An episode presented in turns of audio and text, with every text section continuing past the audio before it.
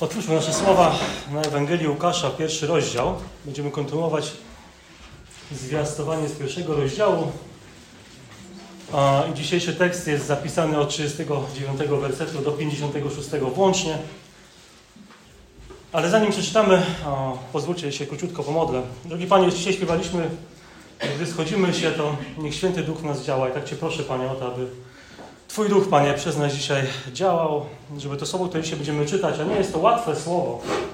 Jest tam wiele tajemnic ukrytych, wiele rzeczy, które sprawiają do dnia dzisiejszego problemy we właściwym zrozumieniu tego tekstu. Aby troszeczkę się rozjaśniło, ale żeby nasze oczy, nasz umysł, nasze serce było skierowane na Ciebie, Jezu Chryste. Amen. Um, Ewangelia Łukasza, pierwszy rozdział od 39 wersetu zaczynamy czytać oto takie słowa.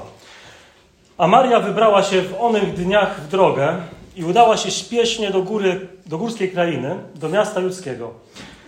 I weszła do domu Zachariasza i pozdrowiła Elżbietę. A gdy Elżbieta usłyszała pozdrowienie Marii, poruszyło się dzieciątko w jej łonie i Elżbieta napełniona została Duchem Świętym. I zawołała donośnym głosem i rzekła, błogosławionaś Ty między niewiastami i błogosławiony owoc żywota Twego. A skądże mi to, że matka mojego Pana przyszła do mnie?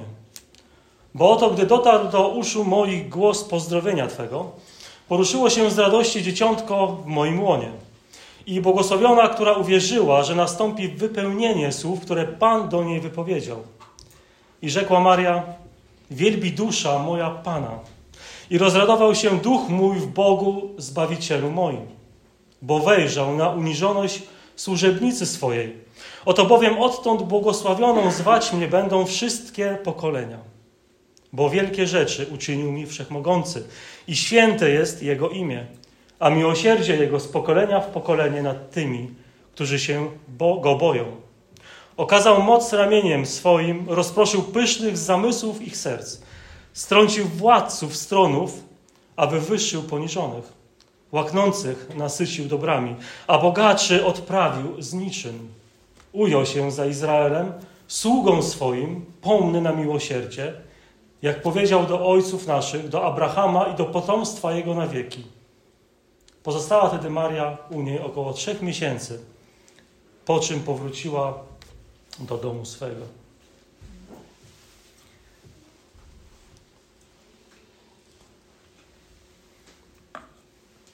Tak jak powiedziałem, wydawać by się mogło, że ta historia tutaj opisana jest prosta. I kiedy ją czytamy, Wydaje się taką być. Wydaje się taką być.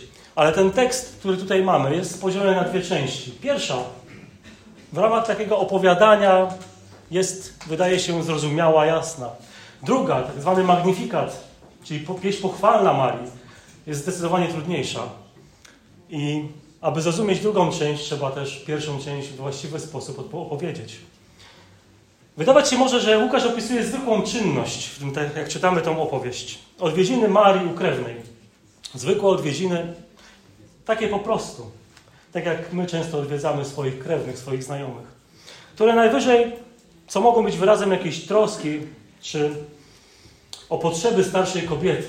Bo jak dobrze wiemy z poprzedniego kazania, Elżbieta była w zaawansowanym wieku. I oto coś ciekawego jej się wydarzyło w jej życiu. Ale czy rzeczywiście taki cel stawia sobie autor trzeciej Ewangelii, Łukasz? Czy chciał tylko przedstawić historyczne wydarzenie? Opisać wędrówkę Marii do Elżbiety? Czy może chciał czytelnikom, nam, odbiorcom powiedzieć coś więcej, na przykład o narodzie wybranym? Zarysować w skrócie dopełniającą się historię narodu wybranego. Niezwykle ważny jest bezpośredni kontekst tego, tego wydarzenia, tej wędrówki, tej wędrówki w pośpiechu, Kontekstem są te wcześniejsze wersety od 26 do 38, ale można byłoby je spokojnie mm, opisać w kilku takich słowach. Spotkanie Boga z człowiekiem. Spotkanie Boga Wszechmogącego z uniżonym człowiekiem. Spotkanie Boga z dziewczyną skromną, uniżoną, z małej miejscowości, z miasta pogardzonego w Palestynie, spotkanie świętego z uniżoną służebnicą. spotkanie Zbawiciela z kruchym człowiekiem. I to spotkanie nie jest neutralne. To spotkanie, to spotkanie Marii z Bogiem nie jest neutralne. Jest to spotkanie powołujące. Coś, coś zaczyna się zmieniać w życiu Marii. Ta uniżona służebnica zostaje powołana na matkę Syna Najwyższego, Syna Bożego, Króla z rodu Dawida. I na te pełne spotkanie tajemnicy odpowiada tak. I forma, jaka jest tutaj użyta, że język grecki, myślę, bardzo mocno pokazuje i akcentuje pewne słowa w tym fragmencie, żeby go lepiej zrozumieć. Lepiej opisuje nam to, co możemy przeczytać w języku polskim. Forma gramatyczna genoito okazuje, że Maria odpowiedziała z entuzjazmem i radością na to, co anioł Gabriel jej zwiastował. A zatem widzimy Boży głos powołujący i pełną entuzjazmu i radości Marię odpowiadającą tak. Nie wydaje też się, żeby ewangelista Łukasz chciał pokazać jedynie dwie niewiasty, Elżbietę i Marię w tej historii, bo bohaterów w tej historii jest zdecydowanie więcej. Przynajmniej dwóch jest ukrytych, a oni są centrum tego opowiadania. I nie wydaje się, żeby to spotkanie dotyczyło tylko tej radości, które doświadczyły te dwie kobiety ale była radość i one chciały na pewno o tym porozmawiać. I gdy Maria wyrusza do Judei, była pełna Ducha Świętego. Jej chrzest w duchu dokonał się w ciszy nazaryckiego miasta, domu, co potwierdzają słowa anioła z 35 wersetu, że Duch Święty stąpi na ciebie i moc Najwyższego osłoni cień. Dosyć ciekawe są tutaj obrazy, bo znowu będę powoływał się na kilka takich słów greckich, zminimalizowałem ich ilość do minimum, ale żeby zrozumieć pewien obraz i odniesienie do Starego Testamentu, pewne słowa muszą wybrzmieć. Użyte tutaj słowo episkadzo, przetłumaczone jako osłonić, odnosi się do obłoku chwały, która była osłonięta Arka Przymierza. I w drugiej księdze Samuela, w szóstym rozdziale, możemy dokładnie o, o, przeczytać ten obraz osłonięcia Arki Przymierza i to, co wówczas się działo, kiedy Arka Przymierza wędrowała z Izraelem przez pustynię. W czasie tej wędrówki Duch Pański osłaniał Arkę Przymierza. Ten sam Duch spoczął na Marię.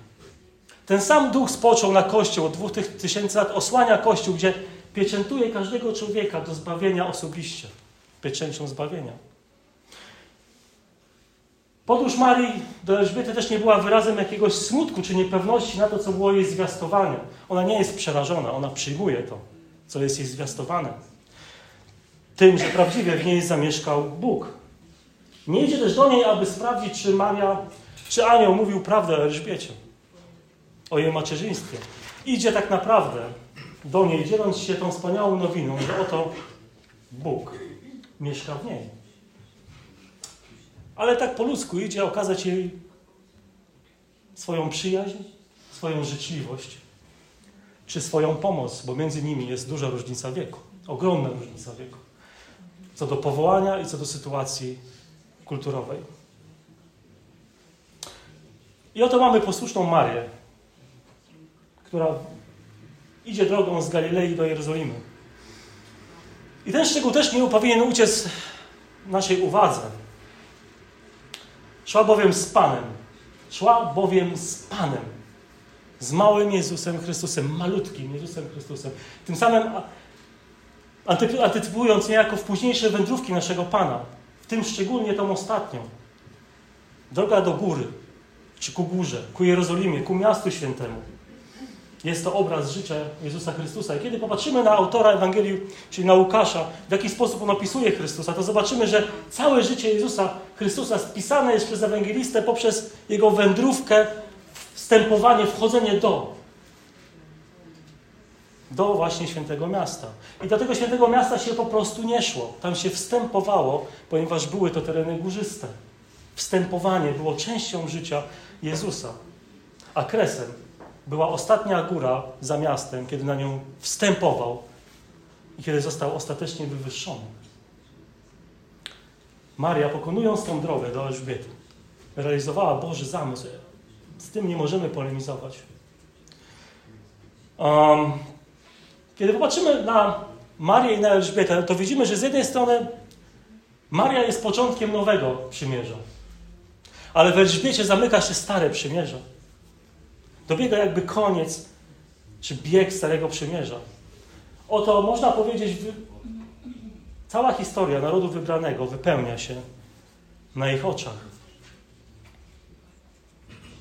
Wszystko to się dzieje, ponieważ Maria uwierzyła w słowa wypowiedziane do niej przez Pana.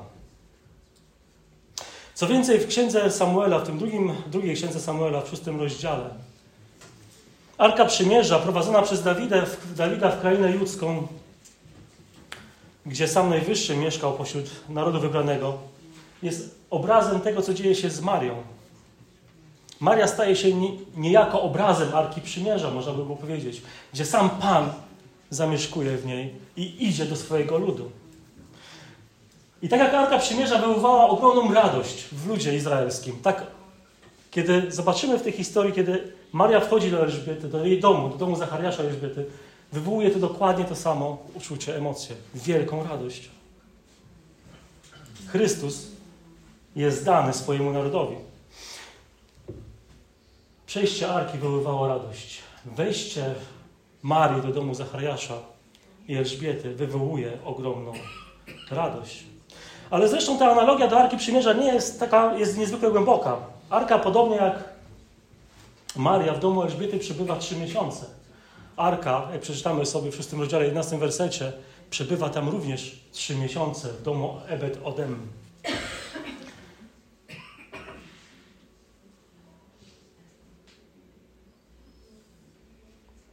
Co najważniejsze, w Arce przychodzi Pan. W Marii przychodzi Pan. Jest to wyraz niesamowitej radości dla ludu Bożego. Kiedy zdejmuję okulary, nic nie widzę. Chyba się starzeję. A, czytamy, że Łukasz, czytamy, co, co pisze Łukasz, że Maria z pośpiechem udała się do Elżbiety. To jest dosyć ciekawe słowo, bo ona określa charakter Marii, sytuacji, w której ona się znalazła. Całą postawę Marii wobec Boga. Z pośpiechem udaje się. Nie ma czasu, żeby zwlekać, nie ma czasu, żeby się zastanawiać. Jest do wykonania misja, plan. Młoda dziewczyna nie czeka, by dołączyć do jakiegoś, do jakiejś większej grupy osób, które udają się w tamtym kierunku. Idzie sama. Wyrusza przecież w dosyć daleką podróż i jest w stanie błogosławionym. Nie chce marnować jednak czasu. To spotkanie ze Elżbietą nie mogło czekać.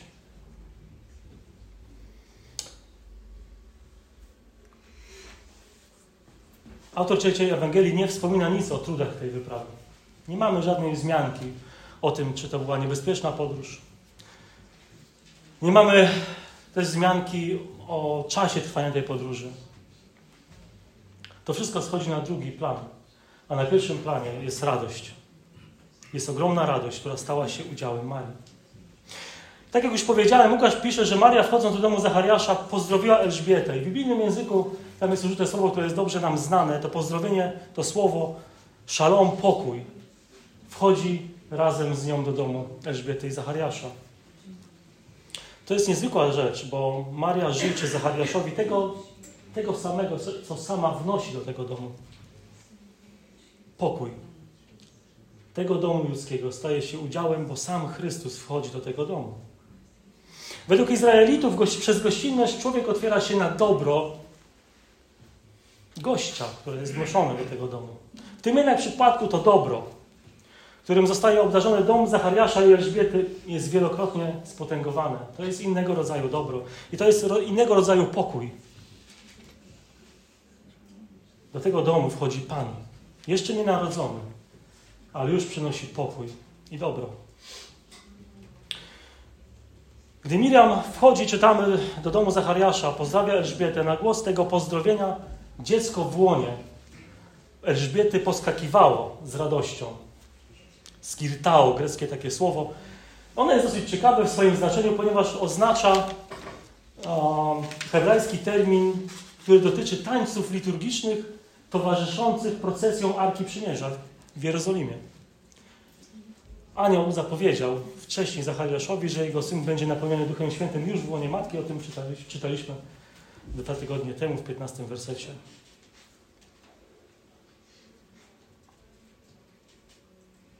Radość Elżbiety wyraża się w błogosławieństwie i to błogosławieństwie podwójnym, nie tylko skierowanym do Marii, ale też do Jezusa. Odnosi się do Marii, jak i do owocu jej łona, do Chrystusa Pana. Co ciekawe, kiedy ten tekst uważnie czytamy i śledzimy, to Elżbieta wypowiada dosyć ważne słowa. Elżbieta wyznaje, że jej dom nawiedził Pan. I oto wielka wymowa tego fragmentu. Elżbieta wyznaje, że jej dom nawiedził Pan. I wielka wymowa tego fragmentu polega na tym, że nie wystarczy, że do domu człowieka wkroczył Pan. Potrzeba jeszcze przychodzącego Boga rozpoznać. I oto udziałem Elżbiety staje się to rozpoznanie. Ona rozpoznaje Chrystusa Pana. Relacja powoływania Bożych ludzi jest dosyć ciekawa w Starym i w Nowym Testamencie. Moment powołania Marii jest dokładnie taki sam, który opisany jest w wielu historiach Starego Testamentu. Anioł posłany od Boga jest źródłem objawienia, powołuje sam Bóg. I tam w tej historii padają takie słowa pełna łaski. Pełna łaski. Jest to imię od greckiego czasownika harito, który występuje w Biblii tylko cztery razy. Dlaczego o tym mówię? Dlatego, że to słowo ma pewną informację do przekazania nam. W jaki sposób Bóg działa. Jego podstawowe znaczenie to oznacza przemieniać łaską, czynić kogoś świętym, przyjemnym Bogu. I ta forma użyta przez Łukasza w tym tekście jest imię słowem czasu przeszłego dokonanego. Wiem, że to brzmi zabile, ale to oznacza, że w momencie zwiastowania Maria była pełna łaski. Że Bóg uprzednio już w niej działał, przygotowując ją do tej podróży. Do tego nowego życia, które w niej się poczęło. I opowiadanie to kończy się radosnym stwierdzeniem Elżbiety, błogosławionaś, która uwierzyła. Błogosławiona, która uwierzyłaś. Maria zatem zostaje nazwana błogosławiona, czy raczej, jak dobrze o tym wiemy, szczęśliwa w innym tłumaczeniu. I skąd to szczęście pochodzi u Marii? To szczęście pochodzi z tego, że uwierzyła ona w słowa Pana. Także tak więc prawdziwe szczęście Marii ma swoje źródło w tym, że Maria uwierzyła w słowo Pana. Ale potwierdzeniem tego też są ostatnie błogosławieństwa w Ewangelii Jana w 20 rozdziale, 29 wersecie, gdzie Jan pisze oto takie słowa: Szczęśliwi ci, którzy nie widzieli, a uwierzyli. Szczęśliwi ci, którzy nie widzieli, a uwierzyli. Ciekawe, ciekawe są też słowa, które troszeczkę dalej Łukasz pisze w 11 rozdziale, kiedy pewna kobieta z tłumu podeszła do Jezusa i powiedziała do Niego, szczęśliwe łono, które Cię nosiło i piersi, które ssałeś. Jezus odpowiedział jej tak, ale błogosławieni ci, którzy słuchają Bożego Słowa i zachowują. Wydaje się, że te słowa są takim dopełnieniem do tej historii, a przynajmniej takim większym rozjaśnieniem tej pierwszej części tekstu kazalnego dzisiejszego. I oto wkraczamy w drugi tekst, w drugą część tego tekstu. Zdecydowanie trudniejszą niż ta pierwsza. Ponieważ y, Maria wypowiada się tutaj, używając pewnej formy psalmów, pewnych porównań, używa pewnych zestawień słów ze sobą, które, no właśnie, mają co za zadanie? Opisać jej radość. Jeżeli macie tekst otwarty, patrzcie uważnie, co jest napisane w 46 wersecie, w pierwszej jego części. I rzekła Maria. I rzekła Maria. Tutaj nie, nie chodzi tylko o powiązanie z poprzednią historią. Chodzi o to, żeby sięgnąć jeszcze dalej do tego opowiadania, od samego początku, kiedy to wszystko się wydarzyło wcześniej, czyli do zwiastowania Marii odnośnie narodzin Jezusa, do wizyty, do spotkania z Elżbietą i tej całej sytuacji, tej całej historii, która tam się w tym domu wydarzyła, aż do momentu, w którym Maria pieśń pochwalną do Pana kieruje. Można powiedzieć, że Maria od tego momentu zdała, nabrała pewności co do tego, co dzieje się w jej życiu. Zaufała Słowu Bożemu. Poszła sama w podróż. To, co zobaczyła, było potwierdzeniem tego, co było jej zwiastowane. I teraz Maria swoje, w takiej sytuacji Maria swoje dziękczynienie, swoją wdzięczność chce zanieść przed oblicze Pana. uświadamia sobie głębię tego wszystkiego, co ma miejsce w jej życiu i myślę sobie, że to jest pewnego rodzaju z jednej strony przerażenie, z drugiej strony to przerażenie powiązane z radością. W wersecie 46b i 47 słowa, które tam wypowiada Maria, są zbudowane na zasadzie paralelizmu, czyli zestawienia ze sobą pewnych słów. Na przykład mamy duszę, której odpowiada termin duch. Mamy Pan, który odpowiada określenie Bóg. Mamy uwielbienie, która odpowiada radość. Dlaczego Maria zestawia ze sobą oto takie słowa? Wydaje się, że w ten sposób chciała pokazać, tak jak umiała najlepiej, że cała radość pochodzi z jej wnętrza, że to wszystko, co w jaki sposób dziękuję Bogu, wypływa z jej wnętrza, z głębi jej wnętrza. I to wszystko jest nakierowane tylko na Pana Boga, na nikogo innego, nie na nią. Ona nie jest głównym bohaterem tej historii. Całe słowa magnifikat kieruje do, do Boga. W biblijnej antropologii terminy dusza czy duch określają całego człowieka. Określają całego człowieka. A zatem można śmiało stwierdzić, że Maria wielbi Boga całą sobą, całym swoim jestestwem. Jest ona w tej sytuacji cała ona, sama na sam z Bogiem. Całkowicie mu się podporządkowuje i nawiązuje specyficzny dialog. Przez jej słowa, przez jej słowa przebija ogromna wdzięczność. Wyczuwa się w nich wyraźnie uroczysty ton. To nie jest zwykły dialog. To nie jest zwykła rozmowa. Maria zdaje sobie sprawę z tego, co się dzieje w jej życiu. I pada tutaj takie słowo zbawiciel w 47 wersecie. I ona jednoznacznie wskazuje na perspektywę całego wydarzenia. Ona nie jest w centrum tego wydarzenia. W centrum wydarzenia jest Jezus Chrystus, ten, który jest realizacją zbawczych obietnic Boga. W 48 wersecie, odpocząwszy od tego wersetu, jak wskazuje na to początkowe w oryginale jest, bo mamy tam tłumaczenie bo, tam jest słowo gdyż, hoti. Gdyż. Maria wskazuje na powody swojego uwielbienia, na powody swojej radości. I robi to w sposób niesamowity, bo w pierwszej części opisuje siebie. Od, pierwszego, od 50 wersetu mówi bardziej ogólnikowo, staje się bardziej to co teocentryczne, bardziej skierowane jeszcze bardziej na Bogu, pokazując swoją niewiedzę tak naprawdę, co się dzieje w jej życiu. W pierwszej kolejności, zobaczcie, Maria określa swoje położenie wobec Boga, określa się mianem służebnicy, wskazuje na swoją uniżoność wobec Niego. Pojawia się tutaj taki termin tapeinosis, który odnosi się do stanu bycia i oznacza, oznacza właśnie uniżenie. Oznacza uniżenie, ale również niskość i pokorę. Uniżenie, niskość i pokora. To cechuje Marię, kiedy ona wypowiada te słowa. Uniżenie, niskość i pokorę. A zatem Maria pokazuje nam prawdę, że jako człowiek, niczym nie wyróżniająca się palestyńska niewiasta, nie zasługuje na takie wybranie na takie wyróżnienie ze strony Boga. Nie czuje się godna tak szczególnego powołania. Ona rozumie swoje miejsce względem Pana. I te słowa zdają się to bezsprzecznie potwierdzać. Ale Bóg jednak ją wybrał. I wejrzał na jej uniżenie. Czytamy, że czasownik wejrzał, bez wątpienia nawiązuje do starotestamentowych tradycji czy wyobrażeń wyobrażeń zbawczego działania Boga w narodzie izraelskim. Kiedy to oto Pan, oto Jahwe wkraczał do swojego ludu, kiedy widział niedolę tego ludu. Kiedy widział niedolę tego ludu. I dzięki temu wybraniu Maria, czy jej sytuacja, sytuacja Marii diametralnie się zmienia. Od momentu poczęcia czytamy, że będą błogosławić się wszystkie narody wypowiada słowa, że będą błogosławić jej wszystkie narody. Wydawać by się mogło, że jest to obraz jakiejś pychy z jej strony znowu. Ale te słowa nie są wyrazem pychy. To te słowa wpisują się ewidentnie w kontekst bawszego działania Boga i ku niemu ona kieruje swoje myśli. Maria jest cały czas nastawiona na swojego Pana Zbawiciela. Ona nie zmienia kierunku wypowiadanych słów, swoich myśli i przekonań.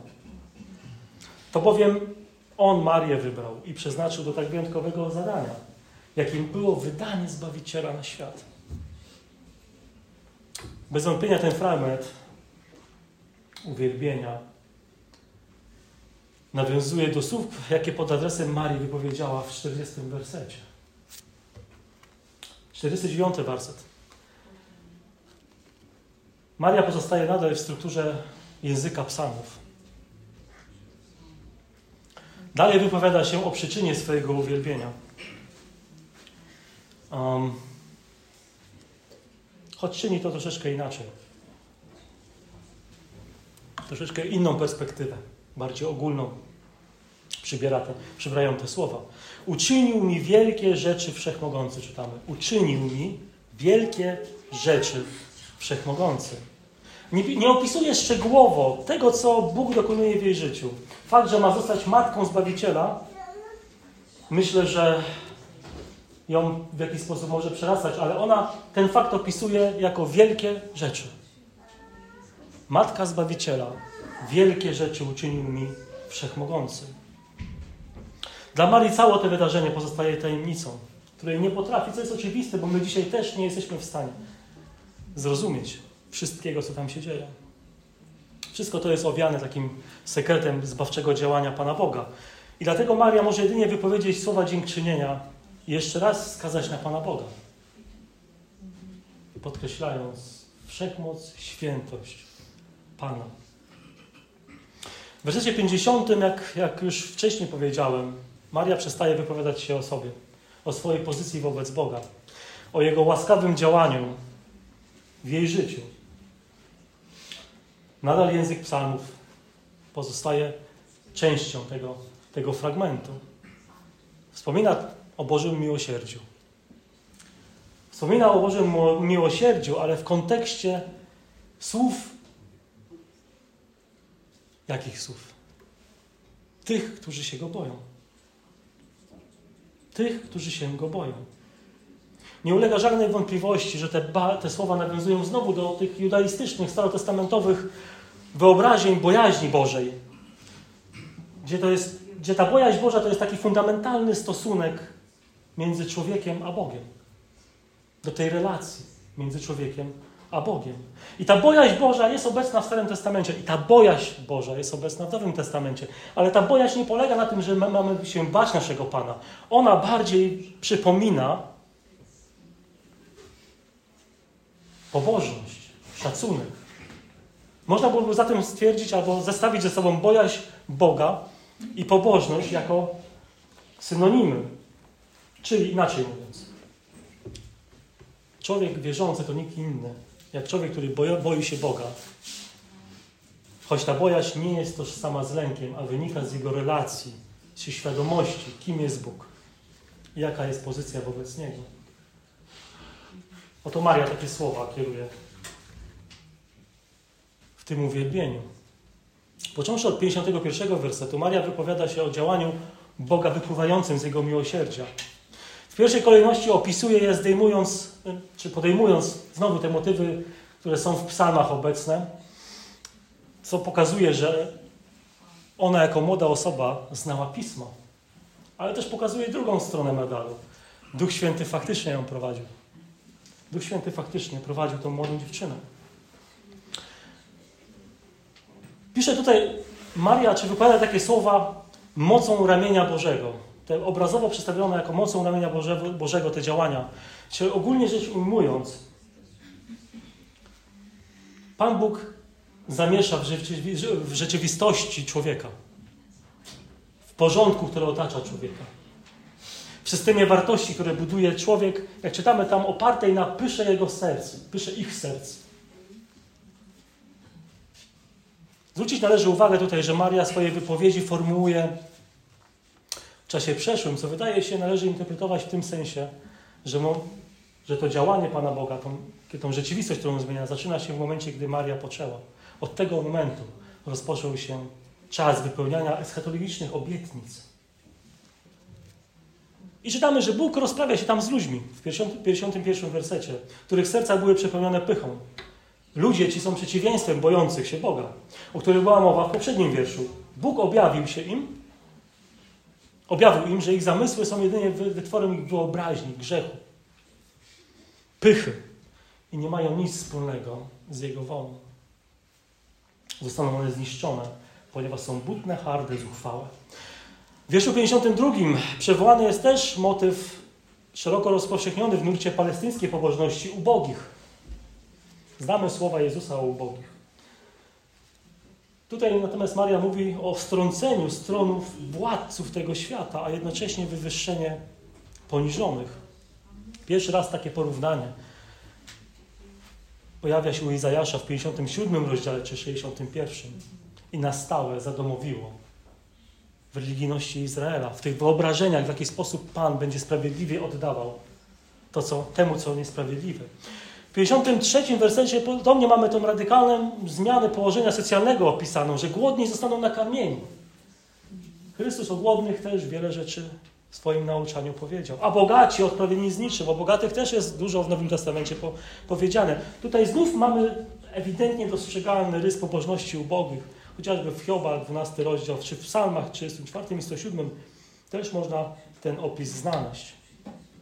W 54 wersecie jest wyraźne nawiązanie do tych tradycji starotestamentowych. Izrael zostaje określony mianem sługi Boga.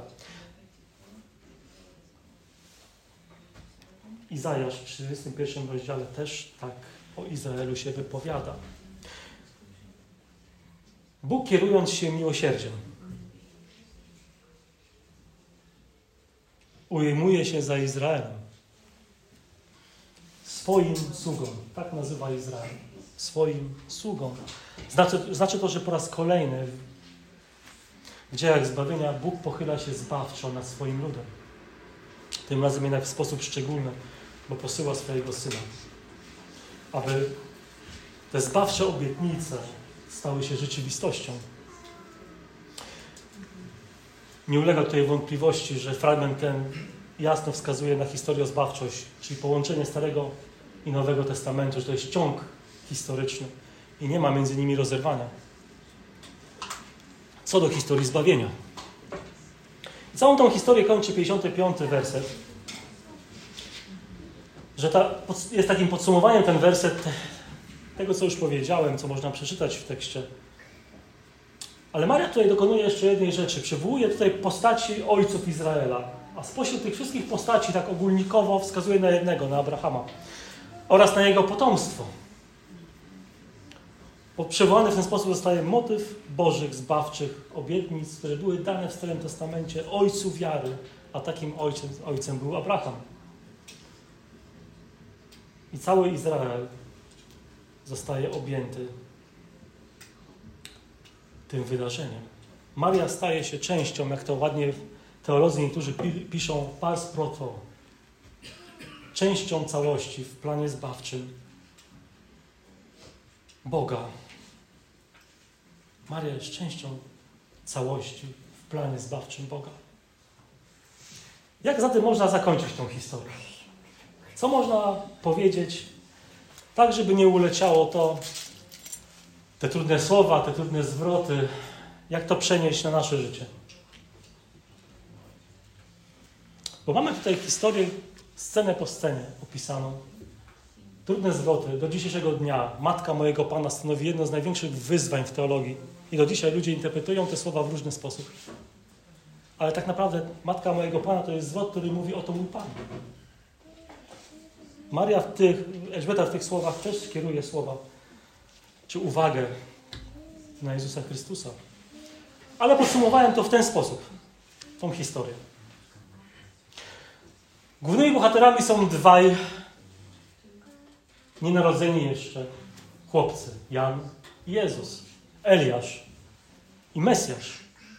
Ich matki stały się brzemienne w niesamowicie zadziwiających okolicznościach. Ojcowie, jeżeli tak można nazwać, Jezusa z Nazaretu to opis mężów sprawiedliwych, którzy musieli się borykać z zaskakującymi decyzjami Boga własnymi słabościami, kwestią zaufania. Cała ta historia odbywa się w jakimś małym miasteczku, w jakiejś prowincji Judei i Galilei. I w te wydarzenia zostały włączone osoby, które zmieniły historię świata. Zmieniły historię świata. Czytamy w 52 wersecie, że Pan strąca władców, a wywyższa pokornych. Zauważcie, że nikt dzisiaj nie pamięta dobrze cesarza Augusta, ale o Marii ludzie coś są w stanie powiedzieć. Więcej. O Elżbiecie, czy o Jezusie, czy o Janie również. W tym tkwi kolejny paradoks, że Pan Bóg jest tym, który kreśli historię. Małych czyni wielkimi, a wielkich czyni małymi. Pisarze tamtych czasów i późniejszych nie zauważyli, że to wydarzenie, ta, ta wycieczka, ta, ta wizyta Marii u Elżbiety była tak ważna i zmieniła oblicze Ziemi. Myślę nawet, że kiedy czyta się tą historię tak w całości, nawet same one, Maria i Elżbieta, nie zdawały sobie sprawy z tego, co tak naprawdę dzieje się. Myślę sobie, że po czasie, po jakimś dłuższym czasie, mogły zobaczyć, jak wielce to zdarzenie, ta historia miała wpływ na to, co się wydarzyło później. Nikt nie zwrócił na wyjątkowe spotkanie uwagi. Łukasz po jakimś czasie spisuje to, szuka informacji prowadzony przez Ducha Świętego, opisuje dosyć szczegółowo tą historię. Czy Elżbieta mogła przypuszczać, że z radosnym okrzykiem wypowie matka mojego Pana i wywoła tyle zamieszania? Nie sądzę. Czy Maria, pokorna służebnica pańska, mogła przypuszczać, że swoją postawą w przyjęciu słowa nada słowu zaufanie nowy zupełnie wymiar? Bo w tym kontekście Maria jest godna naśladowania, jeżeli chodzi o zaufanie, uniżenie, pokora.